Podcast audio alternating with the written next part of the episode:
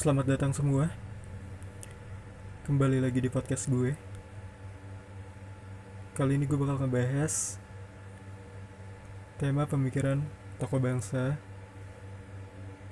Yang gue kagumi Yaitu Soekarno. Kita tahu, semua tahu Soekarno hidup dalam konteks sosiopolitik dengan gejolak yang tinggi yaitu pada periode pergerakan nasional. Pada pergerakan nasional, setidaknya ada tiga arus ideologi yang berkembang, yaitu ada Islam, yang kemudian direpresentasikan oleh Syarikat Islam, kemudian ada nasionalisme, yang kemudian direpresentasikan oleh Indis Party, kemudian ada Marxisme-Leninisme, yang kemudian direpresentasikan oleh PKI. Soekarno saat itu sangat mahfum sekali, sudah paham sekali. Beberapa organisasi revolusioner itu mudah sekali untuk dimandulkan militansinya. Mudah sekali untuk dimandulkan radikalisme revolusionernya. Contoh ketika Syarikat Islam ditawarkan untuk bergabung bekerja sama dengan pemerintah kolonial Belanda yaitu dengan cara masuk ke dalam Volkskrant atau lembaga Dewan Rakyat. Dan kita juga tahu beberapa tokoh dari Indis Party seperti Deus Dekker Cipto Mangunkusumo dan Ki Hajar Dewantara dibuang karena dituduh melakukan subversi. Dan kita juga lebih tahu dan sangat tahu ketika pemberontakan PKI tahun 1926 1927 berujung pada pemberedelan organisasi itu. Anggota-anggotanya banyak yang dibuang ke Bovendigul, dipenjarakan. Dan Soekarno hidup dalam kondisi historis yang sedemikian rupa. Soekarno mempelajari bahwa jangan sampai ke depannya ada organisasi yang sangat mudah untuk dimandulkan manuvernya belajar dari ketiga organisasi ini. Kemudian Soekarno melangkah lebih jauh. Ia menulis sebuah artikel di sebuah majalah Pikiran Rakyat yang berjudul Nasionalisme, Islamisme, dan Marxisme. Inti dari artikel itu Soekarno secara eksplisit mengajak kepada kaum Marxis, Islamis, dan nasionalis untuk bersatu bergandengan tangan di dalam panji-panji persatuan.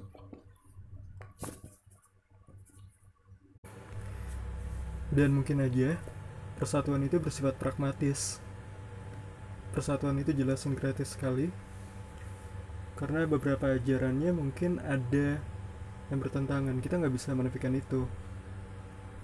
Banyak kok yang kontradiksi gitu. secara ontologis Marxisme dan Islam itu berkontradiksi. Dan secara metode perjuangan pun nasionalisme dan Marxisme itu berkontradiksi Tapi Soekarno mencoba mendamaikan ketiga ideologi itu. Dengan cara seperti apa? Di dalam artikel itu jelas sekali, sangat jelas. Soekarno mencoba mencari relevansi antara ajaran-ajaran itu. Misalnya Soekarno mengatakan, seharusnya kaum Islamis dan kaum Marxis tidak saling membenci. Toh mereka sama-sama memiliki musuh yang sama, yaitu kelas kapitalis. Toh mereka sama-sama membenci capital accumulation, yaitu penumpukan modal demi kepentingan pribadi saja. Dilakukan dengan cara eksploitasi, dengan cara penindasan terhadap kelas terbawah, kelas tertindas. Dan begitu juga kebencian terhadap riba, kebencian terhadap kalau dalam bahasa Marxisnya mungkin ya, yang kemudian disejajarkan oleh Soekarno adalah surplus value, nilai lebih yang dirampas oleh kelas pemodal dari kaum pekerja. Sekarang mencoba mencari persamaan itu agar persatuan itu bisa terwujud. Sama halnya ketika kaum nasionalis dan kaum Marxis diajak bersatu. Kita tahu ideologi Marxisme cenderung internasional Sementara ideologi nasionalisme jelas nasional. Sementara Soekarno ingin melupakan hal itu selama menghadapi penjajah, selama menghadapi imperialisme dan kapitalisme Belanda. Persatuan itu, menurut Soekarno, dia sia membutuhkan strategi atau taktik-taktik baru di mana kaum Marxis mau tidak mau harus berjuang bersama-sama dengan kaum nasionalis. Dan juga kaum Islam tentunya. Untuk bisa sampai pada tahapan pelepasan dari penindasan kaum asing dulu. Dan coba kita pahami bersama dari artikel yang dibuat oleh Soekarno sebenarnya menampilkan filosofi kejawaannya yaitu filosofi bahwa individu dan masyarakat itu harus harmoni dengan alam. Bahwa individu dan masyarakat merupakan cerminan makrokosmos. Individu dan masyarakat merupakan mikrokosmos dari makrokosmos. Jadi jangan melulu mencari perbedaan-perbedaan. Coba dicarikan persamaan-persamaannya. Walaupun nanti berkontradiksi juga, bahwa Soekarno selalu melawan imperialisme dan selalu melawan kaum pemodal serta kaum feodal. Jadi bisa kita katakan ini murni pragmatis untuk pembebasan dari belenggu penjajahan saja.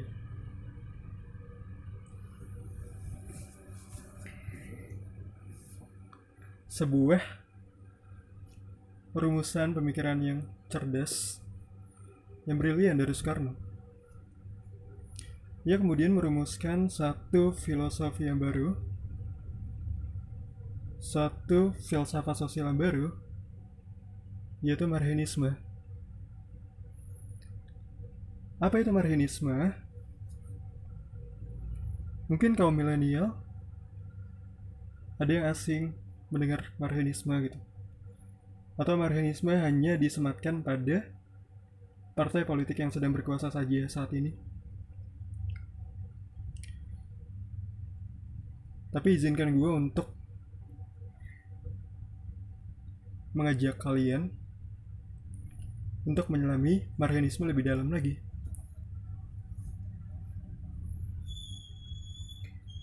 Marhenisme sebagai ideologi, pertama kali ketika Soekarno mendirikan PNI tahun 1927. Soekarno menceritakan bahwa bagaimana dia bisa merumuskan pemikiran itu yaitu ketika dia berumur 20 tahun ketika dia kuliah di Bandung di suatu pagi dia berniat untuk tidak mengikuti kuliah dan ingin berjalan-jalan keliling Bandung Selatan menggunakan sepedanya. Kemudian ketika berjalan mengayuh sepeda, Soekarno menemui seorang petani yang lusuh, yang kotor sekali. Sedang mencangkul sawahnya. Soekarno menghampiri petani tersebut. Kemudian bertanya, Tanah siapa yang kau kerjakan ini? Petani ini tuh menjawab, Tanah saya, Juragan. Apakah tanah ini dimiliki bersama-sama? Oh tidak, Juragan, saya memiliki sendiri. Apakah tanah ini kamu beli? Sekarang melanjutkan. Kemudian, petani itu menegaskan bahwa tanah itu diperoleh dari warisan ayahnya. Sekarang melihat ada sekop, ada cangkul, ada alat pembajak sawah. Yang ketika ditanya-tanya terus, semuanya itu dimiliki sendiri, dimiliki pribadi oleh petani itu. Sekarang melanjutkan. Apakah hasil dari pertanian ini engkau jual? Petani itu menjawab dengan sedih, "Tidak.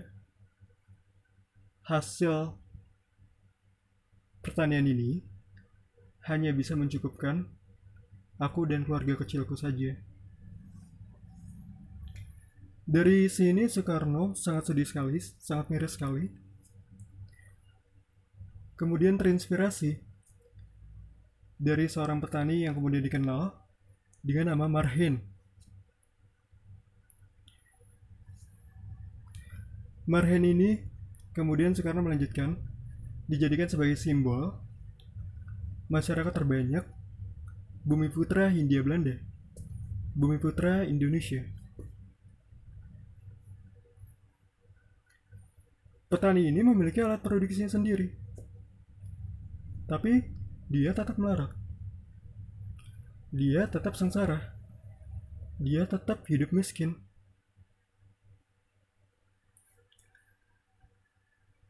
Soekarno kemudian membagi kelas-kelas tertentu kelas atas yaitu kelas feodal dan kelas kapitalis dan kelas bawah yaitu kelas marhen kelas marhen terdiri dari buruh dari petani dari pedagang pedagang kecil tentunya nelayan-nelayan kecil dan juga dari tukang gerobak, tukang sate dan lain sebagainya.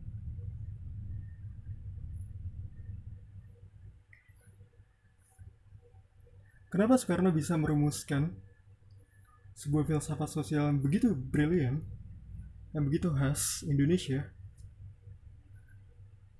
ini tidak bisa dilepaskan pengaruh Marxisme terhadap Soekarno. Ya kita tahu, Soekarno mendalami Marxisme. Soekarno mendalami teori materialisme historisnya Marx. Analisa kelasnya Marxian. Analisa kelas Marxian ini kemudian diterapkan dalam kondisi dan situasi di Indonesia. Ini sama halnya apa yang dilakukan oleh Mao Zedong di Cina. Sama juga yang dilakukan oleh Lenin di Rusia. Sama juga apa yang dilakukan oleh Rosa Luxemburg di Jerman.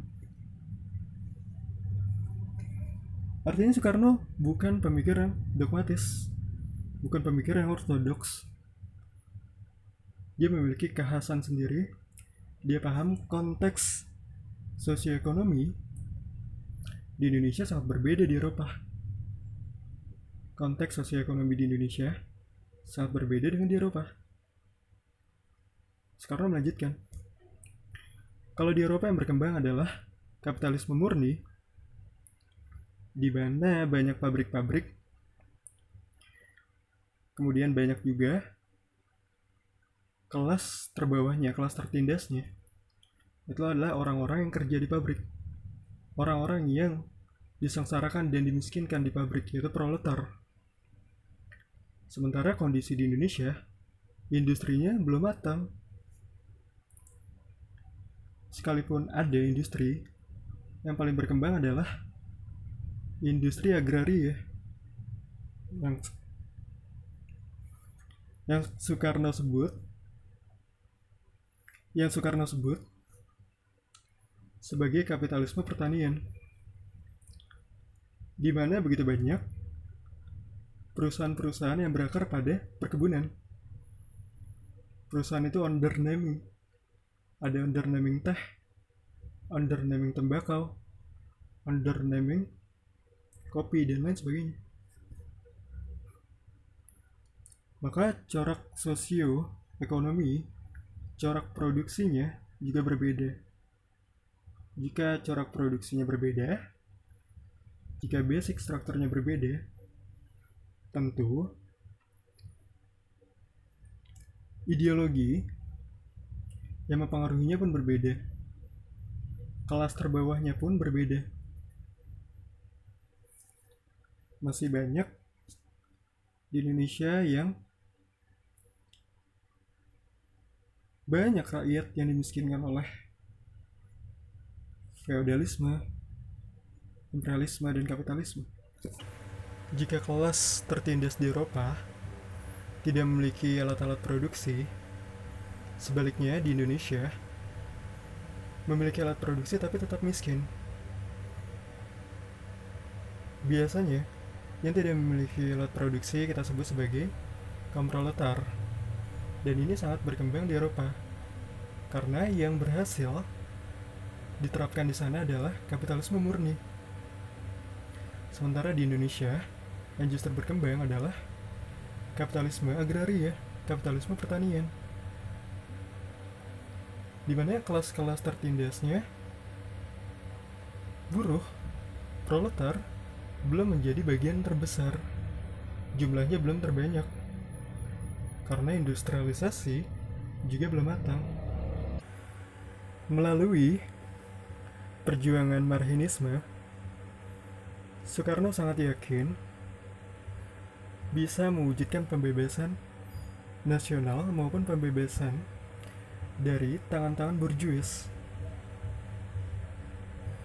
Ada satu yang unik dari pemikiran marhinisme ini adalah bahwa revolusi tidak berhenti pada revolusi nasional saja. Revolusi nasional yang kita kenal 17 Agustus 1945. Bagi Soekarno, revolusi nasional itu hanya jembatan doang. Hanya jembatan emas, Soekarno sebut seperti itu. Untuk mewujudkan masyarakat sosialisme Indonesia. Masyarakat adil dan makmur ini tertuang dalam ajaran Marxinisme, yakni sosio-nasionalisme dan sosio demokrasi.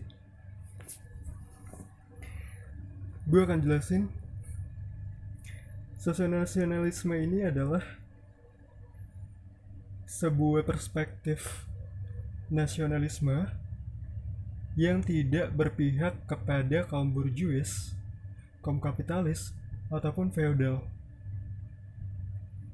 Soekarno menyindir dalam tulisan-tulisannya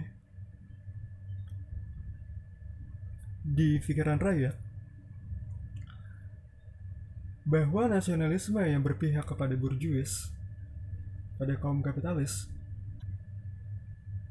disebut sebagai Burgerlich revolusioner mereka yang hanya menginginkan pembebasan dari tangan penjajah kemudian membangun kekuatannya sendiri tanpa ingin mewujudkan apa yang disebut Soekarno ketiadaan, eksploitasi, delhom, paralhom, ketiadaan penindasan oleh manusia dengan sesamanya.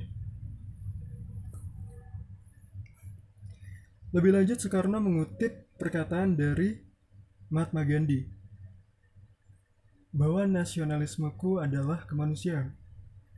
My nationalism is humanism. Yaitu nasionalisme yang berpijak kepada kemanusiaan, manusia yang bersifat sosial, kemudian nasionalisme yang berpijak pada rakyat, rakyat kecil tentunya.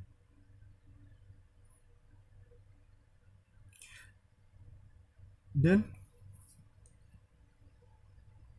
sosiodemokrasi.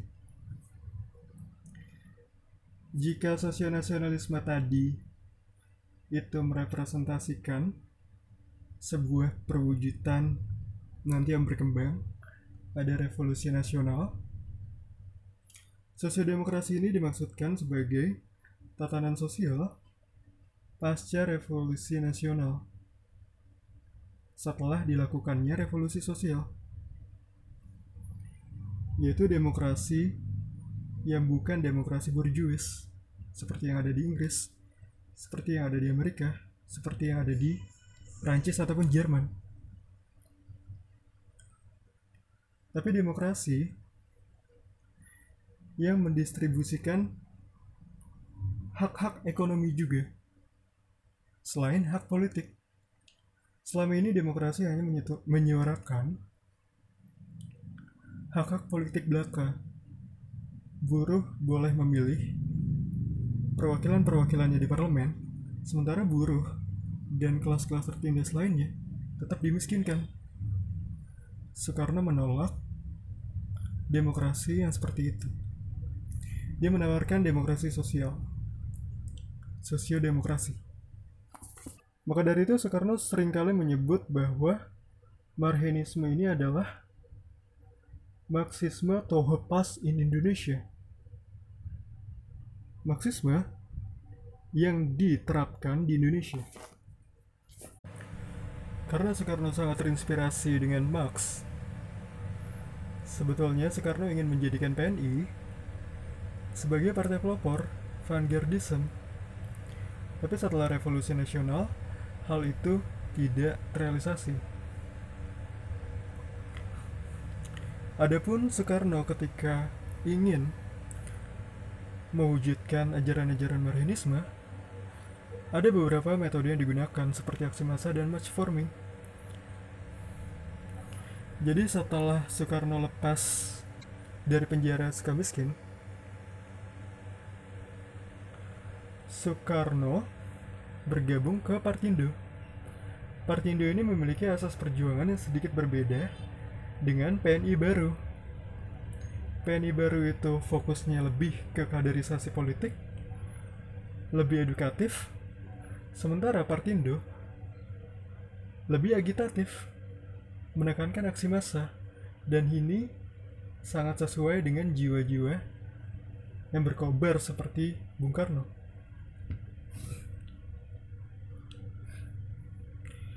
Soekarno dalam mewujudkan Marxinisme itu menggunakan match forming yang artinya pembangunan kekuatan. Jadi kekuatan itu mesti diciptakan kondisi-kondisi objektifnya. Agar nanti kondisi objektif itu bisa dipertemukan dengan kondisi subjektif. Apa itu kondisi subjektifnya? Kesadaran revolusioner, kesadaran revolusioner kaum marhin. Gue pikir dicukupkan sampai di sini dulu. Terlalu banyak pemikiran Soekarno yang belum gue bahas. Mungkin next time. Kurang lebihnya mohon maaf. Assalamualaikum warahmatullahi wabarakatuh